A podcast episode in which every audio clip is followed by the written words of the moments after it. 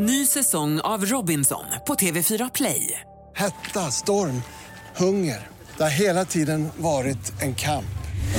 Nu är det blod och tårar. Fan händer just nu. Det. är Detta är inte okej. Robinson 2024, nu fucking kör vi! Streama söndag på TV4 Play. Hej, jag heter Gry Forssell och du lyssnar inte på radiostationen Mix Megapol. I alla fall inte just nu, för du ska ju precis höra ett nytt avsnitt av Mord mot mord. Men först vill ju vi säga hej. Hej, hej, det här är NyhetsJonas. Det här är Carolina Widerström. Och här är Gullige Dansken. Ja, och så Gry då, då. Det vi vill säga är att när du har lyssnat klart på den här podden, då får du gärna lyssna på våran. Vi spelar in ett nytt avsnitt varje morgon av våra podd Kvartsamtal. Och hela radioprogrammet blir ju också en podd om man är väldigt morgontrött eller så. Just det, om man missar morgonen ja. Men mest av allt så får du gärna lyssna på programmet i direktsändning varje morgon på Mix Megapol. Live varje morgon från klockan sex och då har vi med oss massor med vänner också. Thomas Bodström, Babben Larsson, Johan Pettersson, Christian Luuk. Massor med coola människor som bara dyker upp och gör livet bättre. Ja, som jag, Gullige Dansken. Exakt så. Och så mycket bra musik och annat skoj såklart. Så vi hörs när du vaknar på Mix Megapol. Podplay.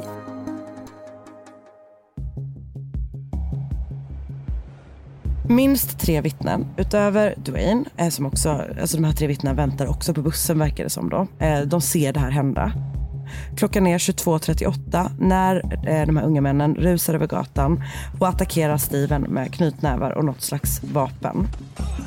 Dwayne börjar springa och skriker till Steven att han också ska göra det. Och efter någonstans mellan 30 och 50 sekunder är attacken över. Så det går ju liksom både fort och långsamt på något sätt. För om man tänker 30 sekunder är det jättekort. Men om man tänker nästan en minut av liksom misshandel så, tror jag att det är, är det jättelångt verkligen. Ehm, Men efter den tiden då så, så lämnar gärningspersonerna och springer därifrån och då ställer sig eh, Steven upp och springer själv. Och han lyckas ta sig ungefär 120 meter och sen faller han ihop.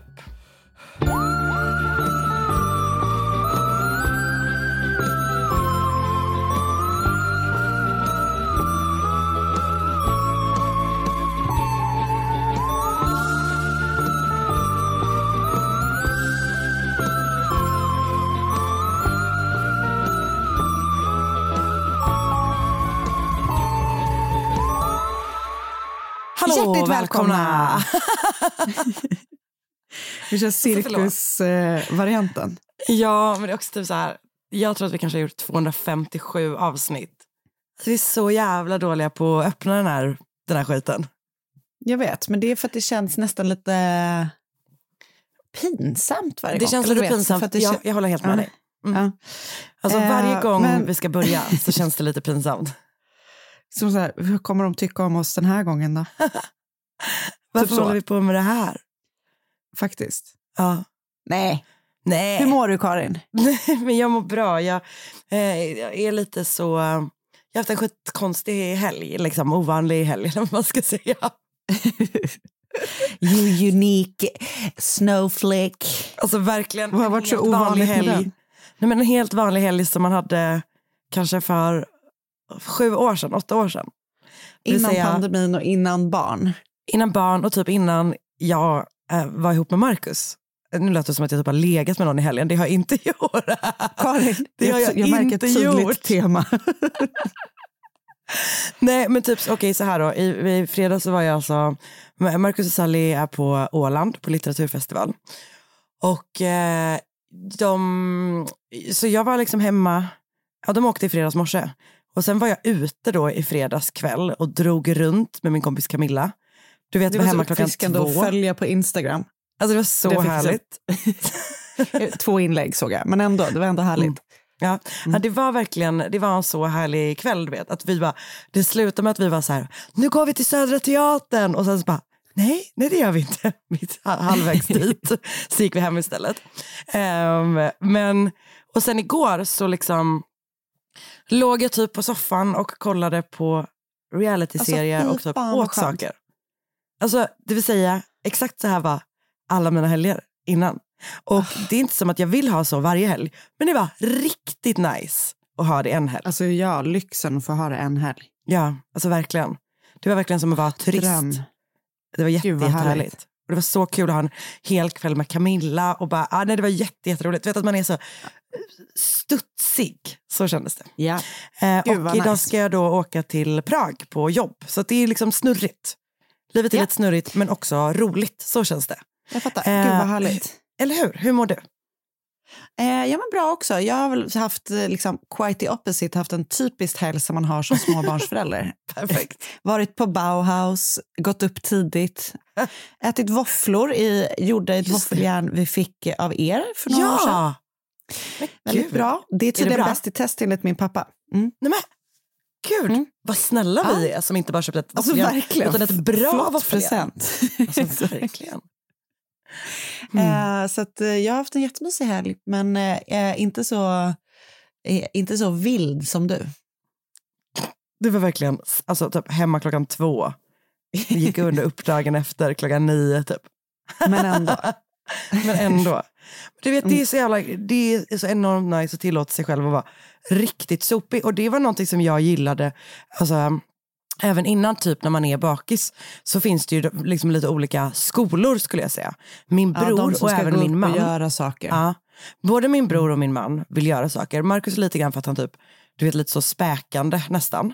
Ja. Att han liksom är, är så att han bara, "Ah, jag måste gå, jag måste gå ut och springa typ. Man bara okej. Och min bror bara för att han är typ på gott humör och vill så här åka och käka lunch på ett nice ställe. Alltså så är Fortsätta han. festen.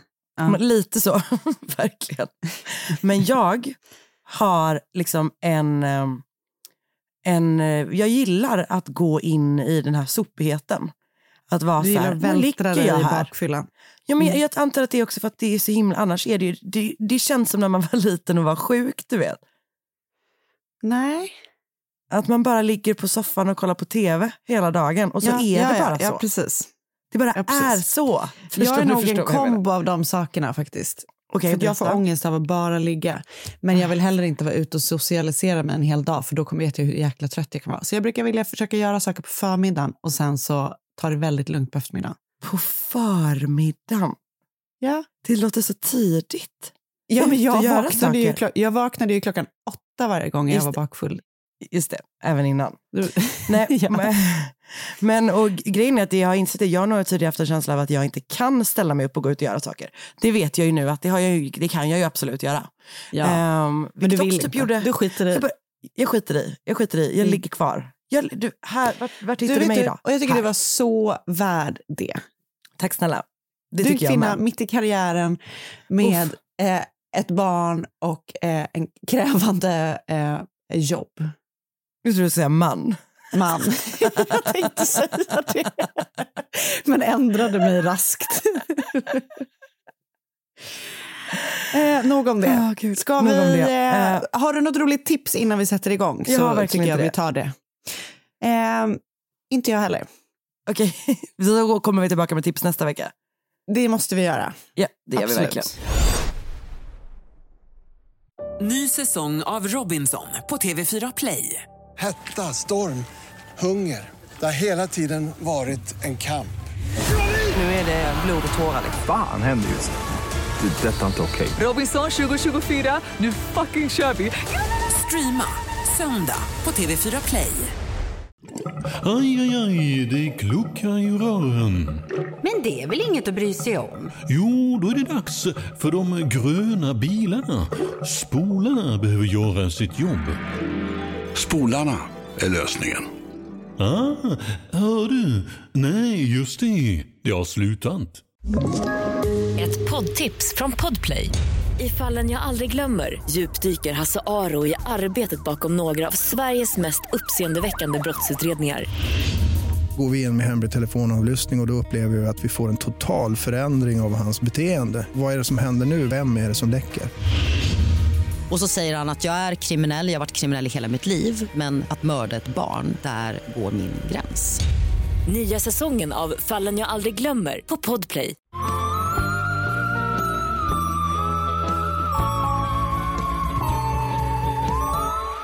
Jag sätter scenen. Vi är i Nokia i Finland. Ja, som telefonen? Jag vet. Jag, jag, vet du, det var min första reflektion också. Att jag visste inte att det var en stad. Inte jag heller. Nej. Jag är glad av det. Men det är det tydligen. Mm. Året är 1891, datumet är 23 augusti och den 16 år gamla Olga Alto föder en bebis som får namnet Maria Wilhelmina Olgas dotter. Fint namn. Olga då, jättefint. Det låter som någonting som man döper sitt, man döper sitt band till på Söder idag. Ja, kanske inte Maria, det känns lite för... eh, Men Wilhelmina Olgas dotter. Absolut. eh, Maria är för mainstream, eh, kan jag faktiskt säga eftersom jag heter det i mellannamn. Eh, Olga arbetar då som hushållerska och Maria, då, bebisen, är ett utomäktenskapligt litet barn. Så det är liksom en sjukt tuff eh, tillvaro som hon föds in i, eh, Maria då, och som Olga lever i. Hon arbetar jättehårt, Olga då, eh, och det är så fattigt och kämpigt. Och Maria blir då, tack vare det här eller på grund av det här, en väldigt eh, tuff liten unge som du vet tar för sig och kämpar sig fram. Och hon blir också tidigt väldigt bra på att ta hand om sig själv, vilket är liksom så sorgligt att ett litet barn ska behöva Mm. tänka på det. Liksom. Hon får ju, liksom, både Olga och Maria får ju så rykte om sig i Nokia eftersom då Marias pappa helt enkelt eh, inte var närvarande. Eh, så.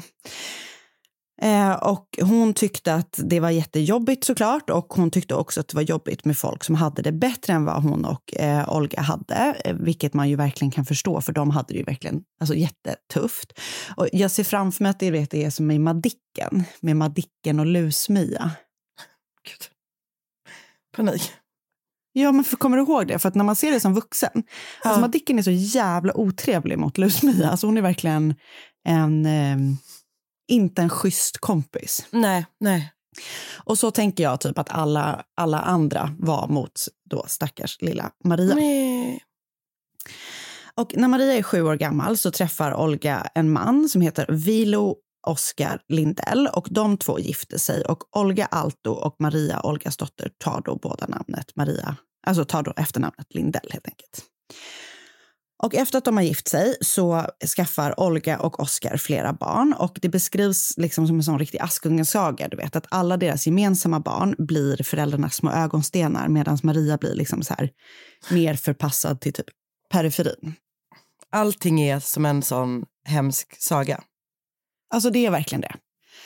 Hon har det skitjobbigt helt enkelt. Så liksom, redan från när hon var litet, litet barn så då får hon ju ta hand om sig själv. Och det blir liksom inte bättre bara för typ att mamman eh, hamnar i liksom en mer, liksom, inom jättestora såna här air quotes, normal situation. För att då liksom startar hon typ som en helt ny familj. Ja. Och liksom glömmer bort sin dotter från eh, innan, eller verkar det som då. Eh, Och när Maria är 15 år gammal så dog hennes mamma, Olga. Och hon, alltså, måste ju, alltså, hon är ju jätteung då, för då är hon 31, mamman, när hon går bort. Och efter att mamman då gått bort så flyttar Maria ensam till Tammerfors. Eh, och även där är det ju då liksom jättesvårt för en ensam 15-åring att ta sig fram och starta upp ett liv. Sådär. Hon har inga kontakter, inga pengar, ingenting sånt som kan hjälpa henne att etablera sig i Tammerfors. Så istället börjar hon stjäla saker och då eh, troligtvis, eh, det varierar lite från källa till källa, men, det, men hon säljer troligtvis sex också för att liksom överleva där. Och ah, både den här stölden då och att hon typ, det fanns ju någonting som så här lösdriveri och du vet, alltså hon får tillbringa tid i fängelse helt enkelt i flera olika omgångarna. Och under en av vistelserna i fängelse så föder hon ett barn, eh, en dotter och sen så får hon liksom inte ens ett år senare igen ett barn. Så att hon, som väldigt ung själv föder hon på kort tid två små barn. Och, ehm, Allting är men så ingen värdelöst. Ja. Nej, jag vet. Och det som också är väldigt sorgligt då eh, är att ingen av de här barnen eh, överlever liksom, sitt första år. Så hon har det liksom skittufft. Jävligt. Alltså hon har det verkligen förjävligt. Men det verkar då som att liksom de här, hennes tuffa start i livet, eller hennes tuffa, tuffa typ första 17 år i livet, vilket är så jävla lång tid, eh, ger henne typ en stark drivkraft att eh, göra revansch, liksom, att komma igen. Typ. Så Maria tar sikte på Helsingfors. Hon flyttar dit och träffar en kille. Och Det verkar typ som att det håller på så här att vända för henne, för de planerar äktenskap och du vet sådär. Um, men någonting händer mellan dem, så de går skilda vägar. Och den här sonen som de får tillsammans innan de separerar lämnas in på fattighus, eller på typ som någon slags barnhems fattighus. Och Maria hamnar återigen eh, då i en jätteutlämnad liksom, situation som leder till att hon vet, faller tillbaka i sina gamla mm. sitt gamla mönster, att hon måste stjäla och du vet, sådär, för att, för att eh, ta hand, alltså för att överleva helt enkelt. Eh, så att hon hamnar i fängelse igen och du vet, ja, in och ut i fängelse. Och även någon av de här fängelsevännerna så föder hon också ett barn i fängelse, vilket måste vara så himla bisarrt att göra det. Hon kommer inte att liksom, ta hand om någon av de här två sönerna heller som hon har fött. Den ena lämnas in på fattighus först och den andra lämnas in liksom ganska kort efter på något annat ställe. Sådär. Utan hon fortsätter att leva som hon alltid har gjort. Utan hon, hon är ensam, hon försörjer sig genom att ljuga och stjäla och hon fortsätter då att ha så här jämn och tät kontakt med polisen i Helsingfors. Hon släpps fri från fängelset en sista gång eh, 1923 och då är hon så här, nu fan räcker det. Typ, nu ska jag uh. vända mitt liv på riktigt. Hon har ett väldigt tydligt mål. Hon vill byta samhällsklass helt enkelt. Hon söker jobb hos en överklassfamilj i Helsingfors som glatt anställer henne. För det de inte vet är att hennes CV är då helt uppdiktat och en total lögn. Mm. Eh, och den här familjen då är en fin militärfamilj och Maria trivs jättebra hos dem. Och de verkar gilla henne, det liksom verkar vara en bra match. Så hon följer med familjen när de får utlandstjänst, eller pappan och familjen får utlandstjänst i Tyskland under tre år. Och i Tyskland så passar Maria på att lära sig tyska och lära sig lite på riktigt om hur de fina människorna lever och för sig. Efter tre år då så kommer Maria tillbaka till Helsingfors, eh, men nu utan då familjen hon arbetat hos. Och det, hon he, heter inte längre, eller hon kallar sig inte längre för mm. Maria, utan hon heter numera Minna Krautcher. Yep. Och Minna Krautcher är en väldigt förmögen, adlig tysk kvinna. Yep. Maria har då uppfunnit en ny person i Tyskland. Och eh, Minna har då attribut som passar väldigt bra in på en tysk adelskvinna. Hon är inte bara otroligt rik, utan hon är väldigt bildad och pratar flera språk. Tyska såklart, då, för hon är ju tyska. Men eh, hon pratar också talande, eh, flytande finska och eh, hon läser väldigt mycket böcker och du vet, så här, hon är, ja, hon är liksom en tjusig, välbildad dam. Ja. Och så hon kommer tillbaka till Helsingfors och väl i Helsingfors då så börjar hon du vet, vara ute väldigt mycket på restauranger, hon träffar mycket folk. Hon öppnar en så kallad litterär salong oh, i sitt hem där eh, på något vis då vill alla vara. Alltså du vet, trots att ingen, ingen vet ju vem hon är, men alla tycker hon är sjukt spännande när hon väl mm. kommer till Helsingfors. För hon, liksom, hon gör verkligen entré. Hon är ingen liten blyg fiol. Viol. fiol. hon är ingen blyg viol, utan hon tar plats. Liksom. Ja. Eh, så hon öppnar den här litterära salongen och, och, det sägs då att du vet, det var där alla ville vara där. Som, liksom, både de som skrev och de som då liksom ville vara eh, intellektuellt eh, ah. liksom, fina och sådär. Um, och hon har verkligen gjort är... vet, den ultimata versionen av när man kommer tillbaka från sommarlovet med ny stil. Alltså hundra procent. Hundra procent. Exakt så. Och den här salongen är då hemma hos Minna, men var Minna bor beror lite på. För hon sin vana trogen, eller Marias vana trogen, betalar inte för sig. Och det Nej. gäller då även för hennes hem. Så att hon tvingas liksom att flytta gång på gång. Och varje gång hon flyttar så liksom öppnas salongen upp på ett nytt ställe. Och det verkar inte vara någon som riktigt tänker på att hon flyttar så pass ofta som hon ändå tvingas att göra. Typ. Mm. Eh, och det som gör då att Minna blir så poppis, utöver att hon är liksom en intressant figur, är att hon också bjuder på sprit i sin salong. Och spriten är då väldigt eftertraktad, för att det råder då förbud i Finland eh, på sprit under den här tiden. Eh, så spriten henne, hjälper henne liksom att locka folk och komma fram socialt, om man säger så. Och det verkar också som att hon hade ett annat mål med att servera mycket alkohol hemma. För att eh, hon dricker inte själv, utan bjuder då eh, alla på det. Och det verkar Mm. som att hon gör det för att snappa upp information och saker om de gästerna som hon hade i salongen. Japp. Eh, vilket känns så himla läskigt. Att man själv bara här, hade suttit där och druckit och bara... Ra, ra, ra, ra, och hon hade suttit och typ, tagit anteckningar. Men så är det ju lite att umgås med en gravid. Alltså verkligen, jag är mina coucher Ja, just du är nu. faktiskt det.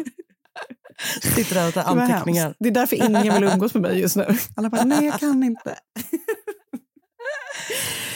Ehm, så hon blir liksom snabbt the talk of the town i Helsingfors. Alla tycker hon är sjukt spännande och jätteintressant. Och det är inte bara för då den här litterära sa- salongen, för det verkar också vara liksom lite nytt format Mm. i Helsingfors, eller man ska säga. Utan det är också då att hon känner alla som är värda att känna. Rika, mäktiga personer. Till exempel så får hennes gäster lyssna på ett samtal mellan henne och Gustav Mannerheim eh, när de är i litterära salongen. Och tydligen så handlar det samtalet om att, hon, eh, att han har glömt sin hatt hemma hos henne. Otroligt.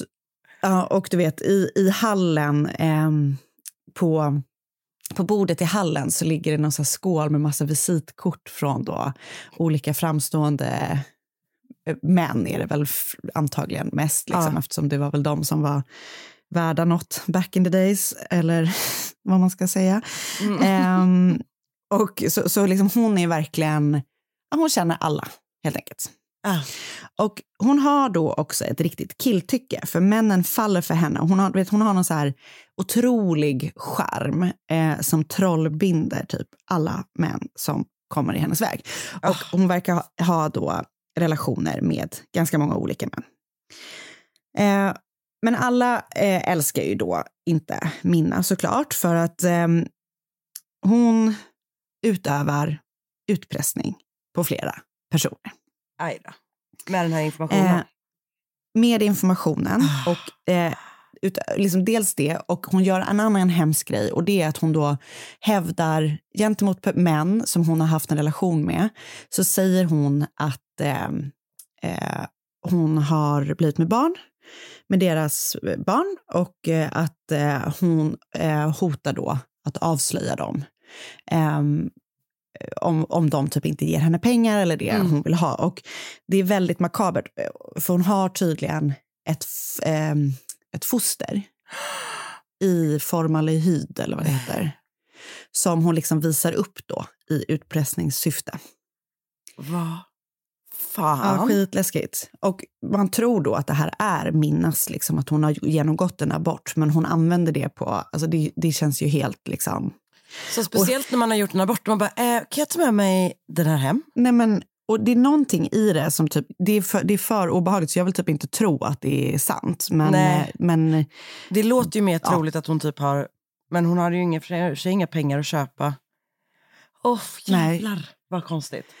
ja, skitläskigt. Eh, så, så att hon är liksom verkligen inte bara så att alla tycker hon är toppen och en rolig person, utan hon, hon har verkligen sidor som folk får se som är så här, eh, klart questionable. Ja, eh, får man väl säga. säga. Ehm, och så i början på 30-talet då så började det skaka ordentligt kring Minna. För då började det spridas rykten om henne i Helsingfors. Bland annat så sprids då ryktet, som ju faktiskt är sanning, att hon har suttit i fängelse i flera olika omgångar. Ehm, och det ryktas också om att hon har eh, dödat sina barn. Eh, vilket ju inte är sant. Hon har ju barn sedan innan, när Mm. hon var Maria, men hon har ju inte dödat dem. Liksom. Nej. Men hon har den perfekta hanteringen på det som händer. För att istället för att liksom tänka på att folk börjar sprida rykten och säga elaka saker om henne så gör hon detsamma om alla andra. Ehm, så hon är typ, du vet, så här... Ja, ni kanske säger att jag har suttit i fängelse, men vet ni vad han har gjort? Typ så. Så smart.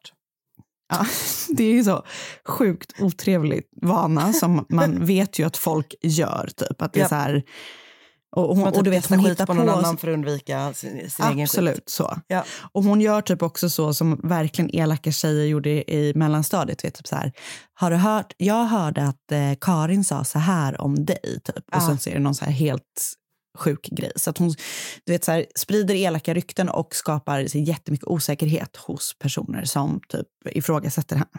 Mm. Ehm, så att det liksom börjar skaka helt enkelt. Och ehm, det är också så då att så här, en av de här männen som har fallit för henne är en yngre poet eh, och författare som heter Olavi Pavolainen. Och ehm, de har haft ihop det länge och den har typ så här byggt på någon slags jämställdhet i att båda eh, var då bildade och att båda var ute efter en så här kravlös relation. Om Mm. du fattar vad jag menar. Att så här, De vill typ ligga med varandra och typ prata böcker och dricka känns det som. Det och det härligt. tror i alla... Ja, ja, absolut. Men det är bara det att det är alltid någon som inte vill ha det så. För att ehm, Olavi tror då att det är så, men ehm, Minna är, blir jättekär i honom. Och han börjar också se cracks i Minnas fasad. Så han börjar tröttna på henne. Du vet, att bara så här, du typ ljuger, jag vet inte vad jag har dig, du är dessutom kär i mig. Alltså, sämst. Alla killar någon gång som bara så här, Alla killars mardröm. Alltså, kan du bara sluta vara kär i mig, för jag pallar inte det här. Bli inte kär i mig. det är så hemskt. Hur många har man varit kär i som har varit kär, inte varit kär i en tillbaka?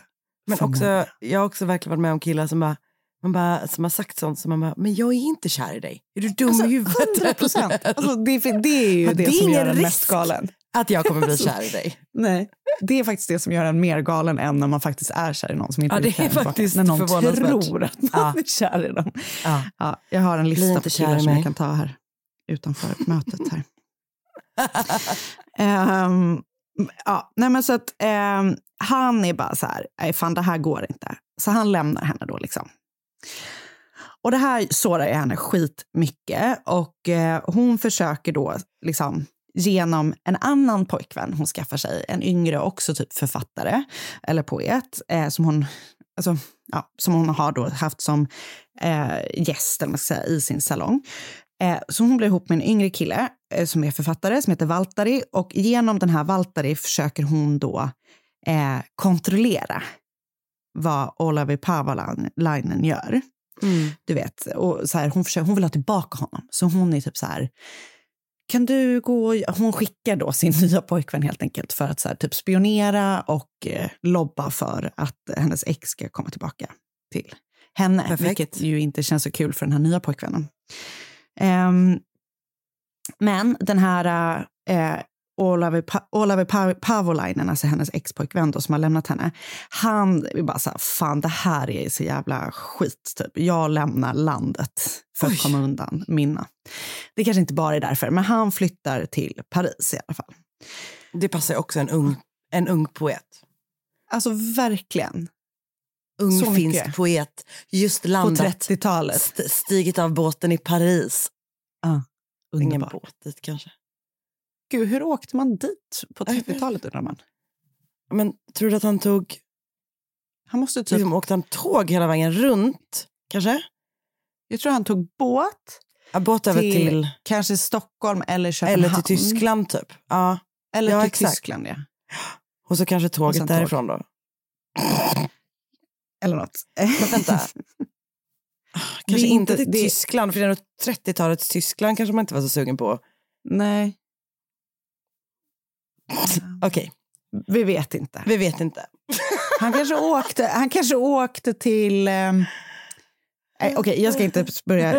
Vi, vi tar det här på mitt möte, utanför mötet också med de andra sakerna.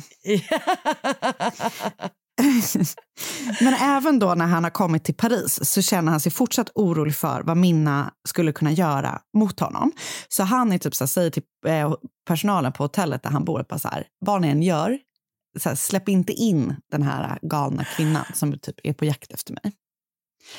Eh, men trots det då så lyckas Minna på något vis hitta Olavi med hjälp av den här Valtari Oh. eh, när han gömmer sig på eh, det här hotellet. Och eh, hon hotar honom eh, alltså, riktigt mycket där. Liksom. Men på något vis då så lyckas han typ ta sig undan från Minna och eh, hon återvänder helt enkelt med svansen mellan benen tillbaka till Helsingfors. Eh, så så liksom, hennes liv börjar bli lite, vet, så här, hon blir ifrågasatt av sina, liksom, de här personerna som har sett upp till henne. Hennes pojkvän har lämnat henne. Hon känner helt enkelt att så här, ah, what the fuck typ.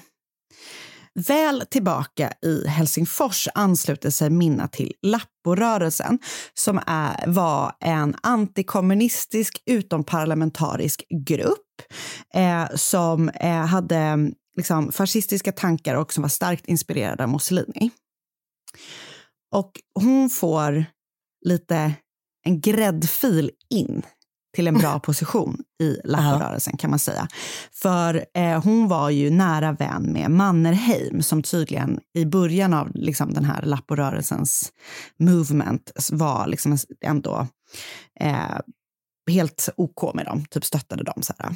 Eh, så att hon använder hans namn och där får hon då jobb som ansvarig för marknadsföring för gruppen eller för rörelsen och för deras tidning. Och hon klättrar liksom snabbt i rang inom den här uh, Lapporörelsen. Du vet, hon kallas för Kapten Croucher och du vet blir så väldigt liksom... Wow, bra namn. Ja, ja eller hur?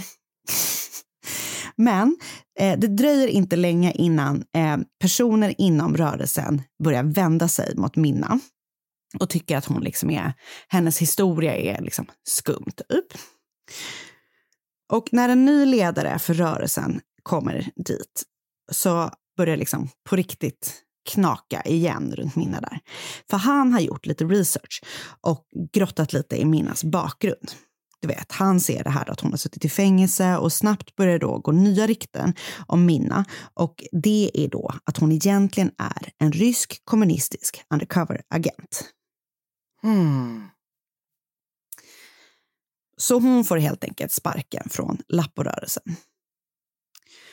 Och hon gör som hon har gjort flera gånger tidigare när någon börjar sprida rykten om henne och när någonting går emot henne.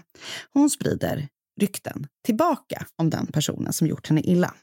Hon säger då att den här nya ledaren som sett till att hon har fått sparken har som mål att bli diktator i Finland och att han planerar en statskupp. Eh, hon säger att Lapporörelsen eh, och den här ledaren då med, i spetsen eh, planerar att mörda en högt uppsatt politiker och landshövding som liksom var väldigt stark motståndare till Lapporörelsen. Så hon gör liksom allt hon kan för att sabba för rörelsen och för den här ledaren som då eh, har gett henne sparken helt enkelt. Mm. Och det här gör ju folk inom Lapporörelsen såklart tokiga. En person som blir sjukt sur på Minna är Olavi Runolinna som är en stark förespråkare för Lapporörelsen. Han erbjuder den här ledaren att ta hand om saken. Nej. Ja. Så att han har helt plötsligt ett mission. Stoppa Minna Croucher. Han bestämmer träff med Minna på en rysk lönkrog. Han lockar henne dit genom att säga att han har eh, information om Lapporörelsen som han tror att eh, hon skulle vara intresserad av. Så de träffas först och där berättar han liksom, liksom påhittad information helt enkelt. Och eh, de träffas där och sen så skiljs de åt därifrån för att de eh, hinner liksom inte prata färdigt på den här avsatta tiden. Men så säger Minna, jag fortsätter gärna det här samtalet. Kom hem till mig ikväll. Så får vi fortsätta liksom. Men det skulle hon inte gjort. För Olavi kommer hem till henne på kvällen och med sig har han en pistol. och väl hemma hos eh, Minna så skjuter Olavi Minna två gånger i huvudet. Minna då, som hade som mål att hela sitt liv bli en välkänd person i Finland, blir det efter sin död. För det här eh, liksom, mordet på Minna Croucher eller på Maria Lindell blir ju sjukt uppmärksammat såklart. Eh, för det är ju någon slags eh, assassin, kan man väl kalla det för nästan. Så hon blir då en absolut rikskändis efter sin död, vilket ju typ var hennes mål med hela sitt liv, att folk skulle veta vem hon var. typ. Och eh, jag vet faktiskt inte vad som hände med den här Olavi Runolinna, men jag antar att han åkte fast, för han, alla visste ju att det var han som liksom var ute efter att eh, döda henne. Just det. Ah. Eh, så det var mordet på Minna Croucher, eller hennes livshistoria egentligen, som är en otroligt sorglig historia om en person som hela sitt liv liksom varit eh, haft det så tufft och som kämpat för att göra det bättre för sig själv men kanske inte haft de eh, liksom, bästa medlen för att göra det. Nej. Nej, exakt. Nej. Vilket jävla liv, eller? Ah, så jävla sjukt. Hur gammal var hon när hon dog, typ? Eh, ja, men alltså typ 40 någonting. Gud vad mycket hon hade hunnit med då. Alltså så mycket. Men kanske inte saker som... Ja. Nej, precis. Sjukt speciellt liv. Ah, tack snälla du. Ja, men tack själv. Och, ehm, jag har lyssnat på en bok som heter En säregen eh, äventyrerska i Nordisk kriminalkrönika 1992. Och sen så har jag lyssnat på en tredelad podd från svenska Yle som heter, eh, ursäkta det här eh, namnet, Från fattig hora till inflytelserik adelsdam. Ja, jag ber om ursäkt för det namn, eh, den... ehm, Dåligt av dig. ja. Och sen så har jag eh, läst flera olika Wikipedia-sidor såklart. Så har jag läst artiklar på eh, svenska finlandssvenska Yle med samma titel som podden, som jag inte behöver säga igen. Och sen så har jag också läst eh, en artikel på Biografiskt lexikon för Finland om Minna Croucher. Du, tack snälla. Vilken jävla Tack resa. själv. Ja. Och den här ska- finlandssvenska podden med tveksamma namnet, den var faktiskt jättespännande ändå. Så Ja. att jag kan ändå rekommendera den trots Men- att den hade ett väldigt dåligt namn. Ja, men och, Svenska Yle har en hel del typ ganska alltså, väldigt spännande true crime-dokumentärer faktiskt. Väldigt många. Så det kan verkligen. vara ett liksom, lite så allmänt tips. Allmänt Åh, nu kom det tips. tips Bra. i alla Ja, fall. Bra Karin. Gud vad bra. Okej, men du, nu ska vi se vad jag ska ta vid med då. Spännande. Ny säsong av Robinson på TV4 Play. Hetta, storm, hunger. Det har hela tiden varit en kamp. Nu är det blod och tårar. Fan händer just nu. Det. är Detta är inte okej. Robinson 2024, nu fucking kör vi! Streama söndag på TV4 Play. Ett poddtips från Podplay. I podden Något Kaiko garanterar östgötarna Brutti och jag, Davva, dig en stor dos skratt. Där följer jag pladask för köttätandet igen. Man är lite som en jävla vampyr. Man har fått lite blodsmak och då måste man ha mer.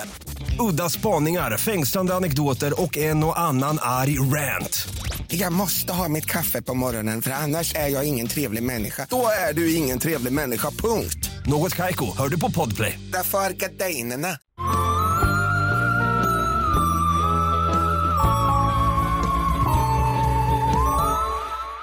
Det är den 22 april 1993 och 18-åriga Steven Lawrence är på väg hem till Plumstead i sydöstra London tillsammans med sin vän Dwayne Brooks.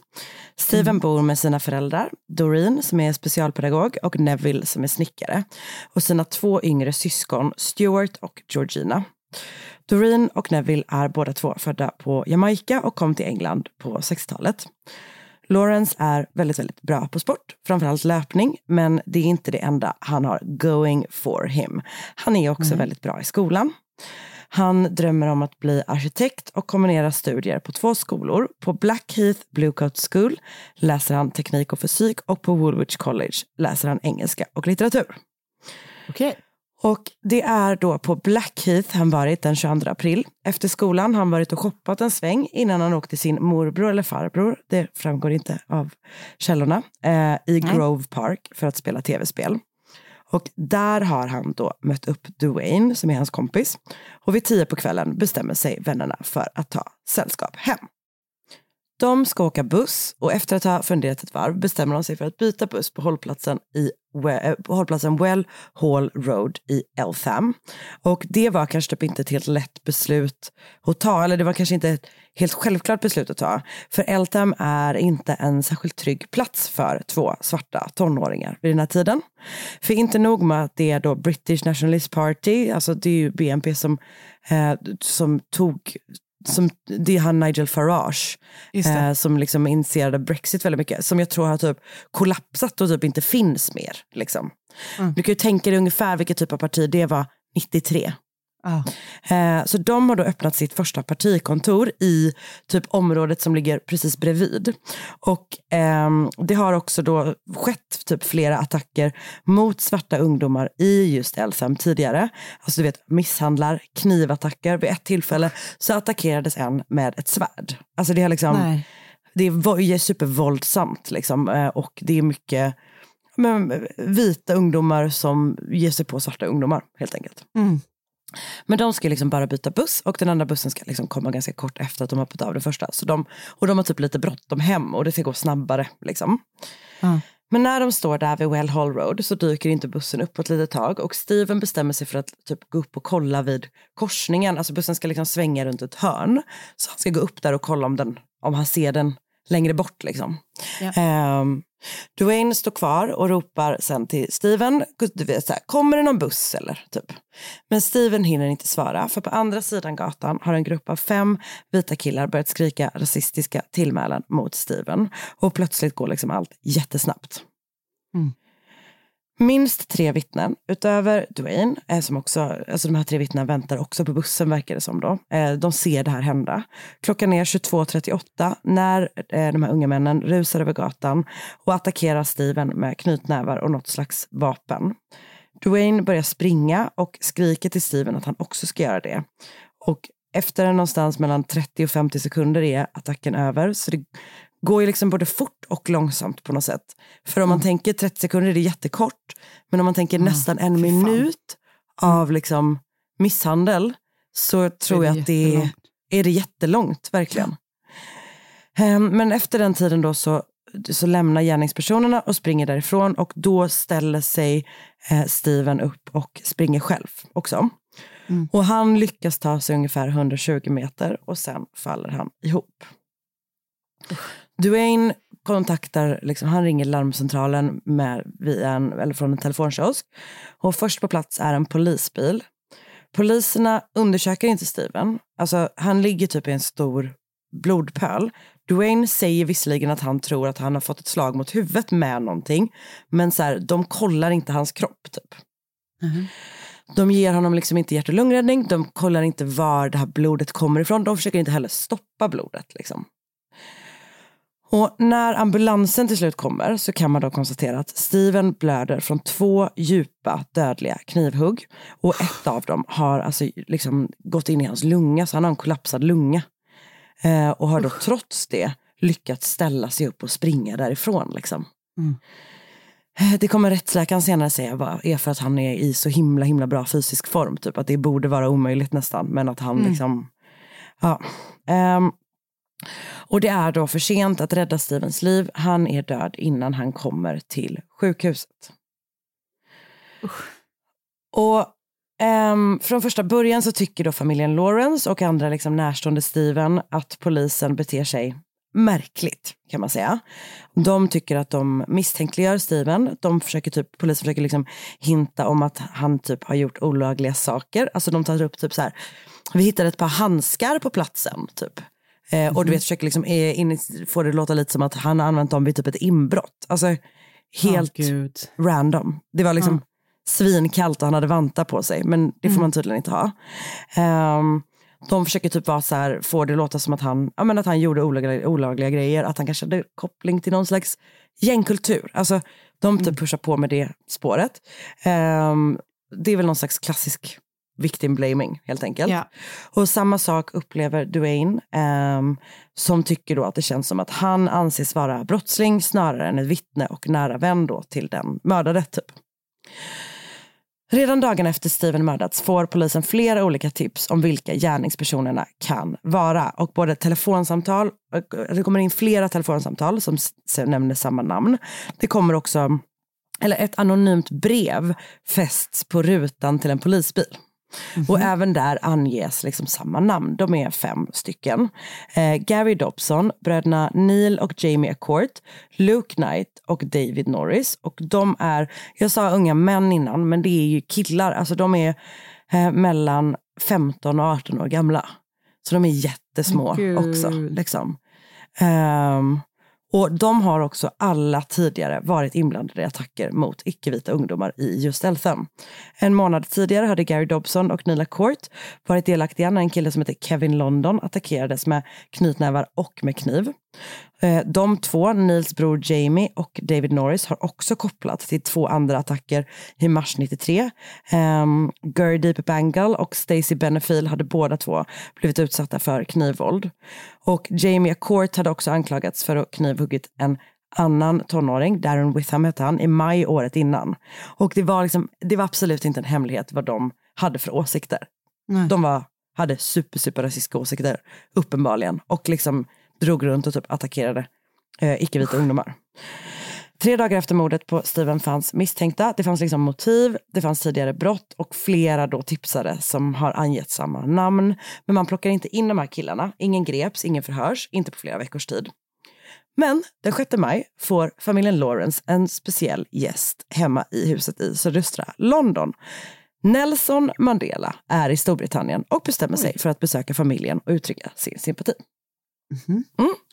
Han är så här, vi sydafrikaner typ, vi vet hur det är att förlora söner och liksom barn till den här typen av våld. Typ. Så han vill väl liksom uttrycka någon slags stöd och sympati. Och när han är, det är liksom journalister där på plats och Doreen säger eh, Why is that a leader from a foreign country shows us sympathy when our government has expressed no interest at all? Och dagen efter så grips de första av de fem misstänkta och över tid då häktas samtliga. Men eh, man håller på att typ samla bevis och sådär.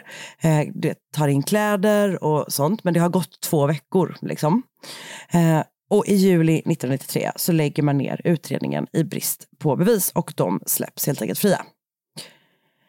Familjen Lawrence är eh, frustrerade. De är inte de enda. I oktober 93 arrangeras en demonstration för att protestera mot rasismen och typ hur lite som görs för att sätta stopp för eh, de här attackerna. Steven är alltså den fjärde svarta ungdomen som mördats i det här området på två år.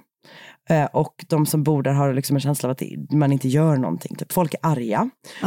Planen är att gå till BNPs huvudkontor i Welling som ligger precis bredvid Eltham. Ehm, men polisen sätter liksom stopp för den planerade vägen och det, efter det så eskalerar då den här demonstrationen till ett upplopp. Liksom. Och en av dem som deltar är och fångas på bild är Dwayne Brooks. Och dagen efter publicerar några av de brittiska tabloiderna en bild där han är med och typ, alltså lyfter, det verkar som att han typ välter en bil. Liksom. Och det är så här, ah, det här är Dwayne Brooks som är vad Steven Lawrence, alltså det kopplas liksom till Steven Lawrence-fallet liksom. Och på samma uppslag så finns också bilder på familjen Lawrence. Trots att de inte, är, inte bara inte är med, utan har liksom på förhand uppmanat till lugn. Att de är så här, det kommer inte gynna vårt kås om det blir eh, riots av det här. Liksom. De vill inte typ ha ett upplopp i Stevens namn. Ehm, men trots det så, som sagt, så publiceras bilder i bland annat Daily Mail och du vet sådär. Ehm, och Dwayne kommer också att åtalas för sin inblandning i upploppen. Men det läggs snart ner och han liksom eh, frias och släpps sådär. Samtidigt så står utredningen blickstilla och 94 går familjen Lawrence vidare på egen hand. De inleder en så här, du vet, civil process mot de fem misstänkta mördarna. Och det verkar vara lite som, eh, det verkar inte riktigt vara, som jag förstått det så är det inte riktigt som det är i USA där det känns som att det är en helt egen typ av rättsprocess Nej. om man initierar en civil lawsuit eller vad man ska säga. Utan det här verkar mer som att även alltså, individer kan initiera en likadan rättsprocess. Så tolkar jag det. Liksom. Så att det är så att åtalet inte kommer från eh, från å, åklagarmyndigheten man ska säga, utan det kan, Just det. det. kan liksom initieras och antar jag då finansieras säkert också av eh, civila. Privata med, ja. Ja, exakt. Så 96 inleds rättsprocessen, ehm, men redan på förhand läggs åtalet med Jamie Court och Davis Norris ner. Kvar står alltså Gary Dobson, Nila Court och Luke Knight. Ingen av de här har någonsin sagt någonting i ett förhör eller en rättegång. Alltså de säger bara så här, eh, ingen kommentar. Alltså Mm. rakt igenom allting. Liksom.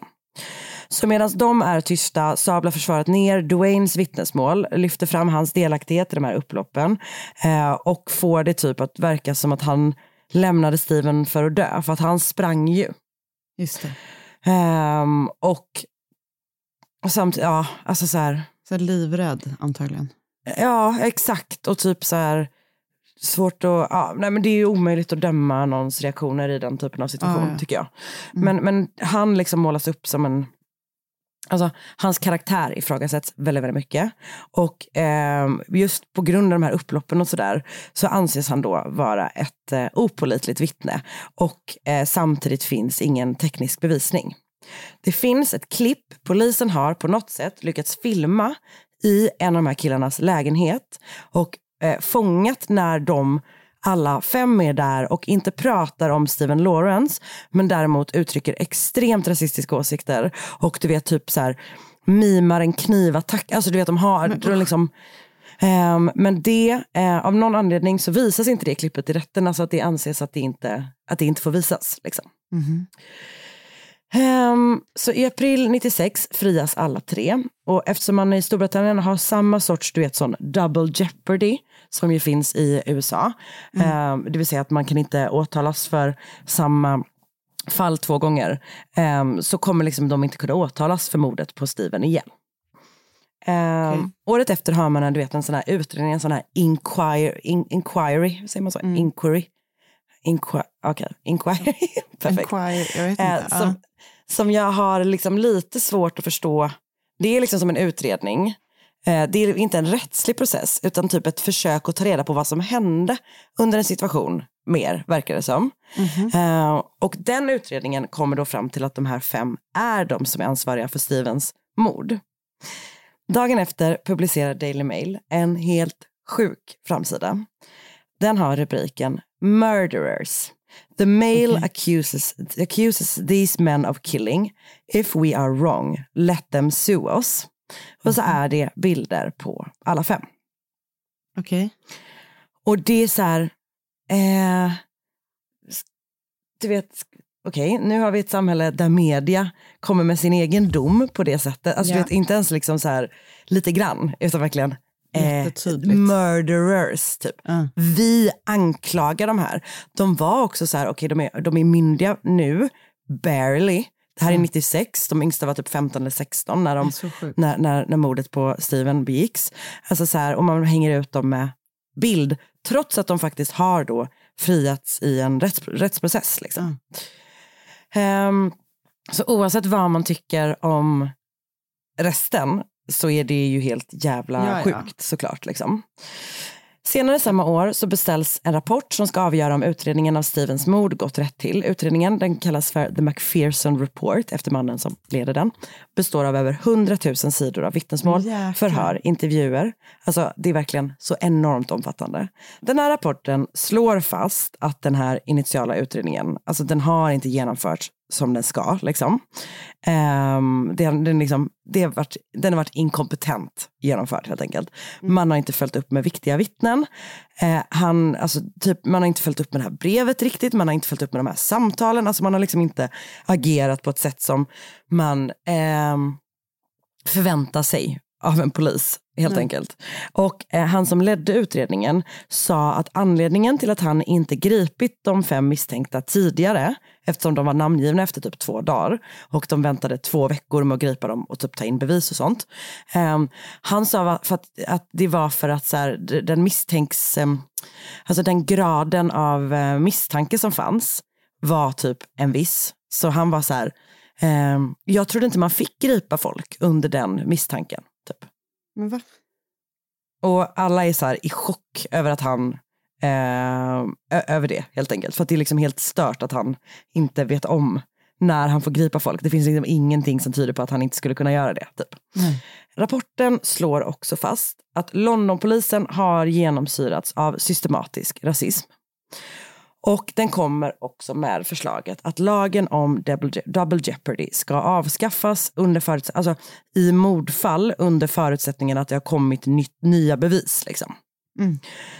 Um, och McPherson-rapporten anses vara en av de absolut viktigaste händelserna i modern brittisk rättshistoria. Inte minst då, alltså just att man, man faktiskt sätter ord på den här systematiska rasismen som eh, men liksom icke-vita Londonbor och eh, britter i allmänhet förstås har liksom vittnat om men som kanske inte har tagits på allvar. Eh, och plötsligt så står det liksom så här svart på vitt typ. Nej, eh, rasistiska föreställningar har påverkat liksom Met-polisens eh, arbete helt enkelt. Mm. 2005 förändras lagen om att kunna åtalas två gånger för samma brott. Och det är, alltså, den här McPherson-rapporten är liksom en stark bidragande faktor. Det finns två andra, typ, men det är verkligen med och bidrar till den här lagförändringen. Då. Andra saker som händer under den här tiden, en liten sammanställning. David Norris och Nila Court döms för att ha misshandlat en svart civilpolis. De visste alltså inte om att han var polis. Doreen och Neville Lawrence skiljer sig och Neville flyttar till Jamaica. Han, det, jag tror att han klarar liksom inte av att vara i Storbritannien längre. Dwayne Brooks stämmer polisen efter att det kommit fram att civilpoliser haft som specialuppdrag att försöka hitta skit på honom under protesterna. Han, han får också kompensation för det, men han får inte någon kompensation för den PTSD han fick under sitt första möte med polisen, eller liksom sina möten med polisen i samband med Stevens mord. Familjen Lawrence anmäler polisen för sitt beteende under utredningen och eh, det kommer nog efter McPherson-rapporten tror jag så anmäler de. En snubbe, han heter lämpligt nog Ballack i efternamn. Han var liksom näst högst ansvarig och han fälls då för att inte ha undersökt det här anonyma brevet och inte förmedlat information till sina kollegor. Han går i pension dagen efter den här liksom domen kommer, vilket gör att han inte får något straff alls. Doreen grundar eh, eh, Stephen Lawrence Charitable Trust, engagerar sig politiskt och varje år delar, hon ut, eh, delar man ut Stephen Lawrence Prize till en ung arkitekt. Och hon får, hon får du vet, en sån där fin orden som man blir tilldelad av drottningen för sitt arbete. Ah. Ehm, 2006 händer det också något inom polisen när utredaren Clive Driscoll får i uppdrag att bege sig till lokalerna där Deptford Police Station legat. Eh, för att de ska typ sälja de lokalerna och flytta någon annanstans. Så han är där för att se, så här, finns det något material här som vi typ inte kan be du vet, vem som helst att ta hand om? Lite så, typ. Mm. Ehm, och där hittar han då massor av lådor märkta Operation Fishpool, vilket är kodnamnet för utredningen av Stevens mord. Och han ringer typ upp polischefen, tänker jag mig, någon slags chef och säger så här, de här är med mig nu, jag tänker utreda det här brottet. Typ. Okej. Så han tar sig nu an Stephen Lawrence mord. Och han inser snart att det framsteg inom, framsteg inom DNA-teknik som har gjorts eh, kan liksom förändra eh, situationen i det här fallet. Och han får rätt. För när man undersöker de kläder som man då tagit, tagit från de misstänkta, vilket man från början typ trott nog inte kommer kunna generera någonting eftersom de togs in två veckor efter mordet. Eh, Men då hittar man i alla fall något intressant på ehm, Gary Dobson och David Norris kläder. Man hittar ehm, alltså fibrer från den röda polotröja som Steven hade på sig eh, under attacken på deras kläder. Man hittar också hårstrån som med 99,9% sannolikhet kommer från Steven. Man hittar också på liksom insidan, jag tror att det är på insidan av kragen av Gary Do- Dobsons jacka, hittar man en mikroskopisk droppe blod som med den här liksom nya framstegen inom DNA-teknik kan testas och man kommer fram till att det är Stevens DNA. Vad sjukt. Så att man hittar ju bara bevis gentemot de här två, åtminstone så här initialt, men ändå. 2010, alltså 17 år efter morden, häktas Gary Dobson och David Norris och den 4 för- januari 2012 får de sina domar. Domaren tar hänsyn till deras unga ålder när mordet genomfördes. Båda två var ju minderåriga, de var 17 Mm. och 16 år gamla. Dobson döms till eh, 15 år och f- två månader och Norris till 14 år och tre månader. Jag tror egentligen att de får samma, alltså samma längd på straffet, men Dobson satt inne för något drogrelaterat brott, eh, så han fick liksom inte avdrag på alltså, förhäktningstiden Nej, okej. och sådär. Så har jag tolkat det. Typ. Och de sitter då alltså inne fortfarande. Och möjligheten att de här tre kvarvarande skulle åtalas verkar väldigt liten. Inte minst eftersom Clive Driscoll tvingats till pension. Och han typ fattar inte riktigt det. Var, eller så här, han har varit så här, jag vet inte varför de plötsligt ville att jag skulle gå i pension. Typ. Han ville inte gå i pension. Han ville ta sig an de här tre ytterligare gärningspersonerna. Men istället så ombads han att gå i pension och blev liksom plockad från det här fallet. Typ. Vilket eh, Doreen eh, Lawrence typ har tagit upp som så här, hon bara, det är den enda polisen som vi någonsin har litat på. Liksom. Vi kan inte förstå varför de plockar Nej. bort honom. Så med det så är man nog, är nog eh, hoppet om att de här tre resterande gärningspersonerna skulle åtalas eh, väldigt små. Liksom. Mm. Eller väldigt, väldigt litet. Vad säger man? Hoppet är Eh, svagt. Litet. Det finns väldigt lite hopp om att det skulle hända. Helt Ja, enkelt. det. Ehm, mordet på Stephen Lawrence gjorde att polisen behövde se på sin egen verksamhet på flera olika sätt. Delvis har visselblåsare berättat att det fanns en uttalad intern plan att svartmåla Stephen Lawrence familj och andra närstående. Man har också behövt kolla på möjligheten att korrupta poliser stoppade utredningen medvetet. Specifikt så finns det en informatör, han som har vittnat, om att korrupta poliser betalades av en välkänd gangster för att sabba utredningen och undvika åtal av de skyldiga. Den här utpekade gangstern heter Clifford Norris. Han är liksom en sån Alltså du vet, alla vet vem han är. Han, har, han har härjat i det här området hur länge som helst. Ja. Och han är alltså David Norris pappa. Ehm, både Doreen och Lawrence och Dwayne Brooks har gett sig in i politiken. Dwayne som lokalpolitiker har vid flera tillfällen kommit upp som kandidat till borgmästarrollen i London och även i Lewisham, där han, den liksom del av London där han kommer ifrån. Jag visste inte att man kunde ha en egen Mm. liten borgmästare för litet område med, men det verkar som man kan. Doreen är rådgivare till Labourpartiet och sitter i House of Lords. Och hon går sedan 2013 under namnet Baroness Lawrence of Clarendon. För hon har alltså Wow. liksom tagits upp i, är det, är, har man blivit, då har man blivit adlad, eller? Alltså, ja, om hon har... Ja, det skulle jag väl gissa. Det känns som att hon borde ha blivit lady eftersom de andra blir lords. På, enligt vissa källor så är hon en lady.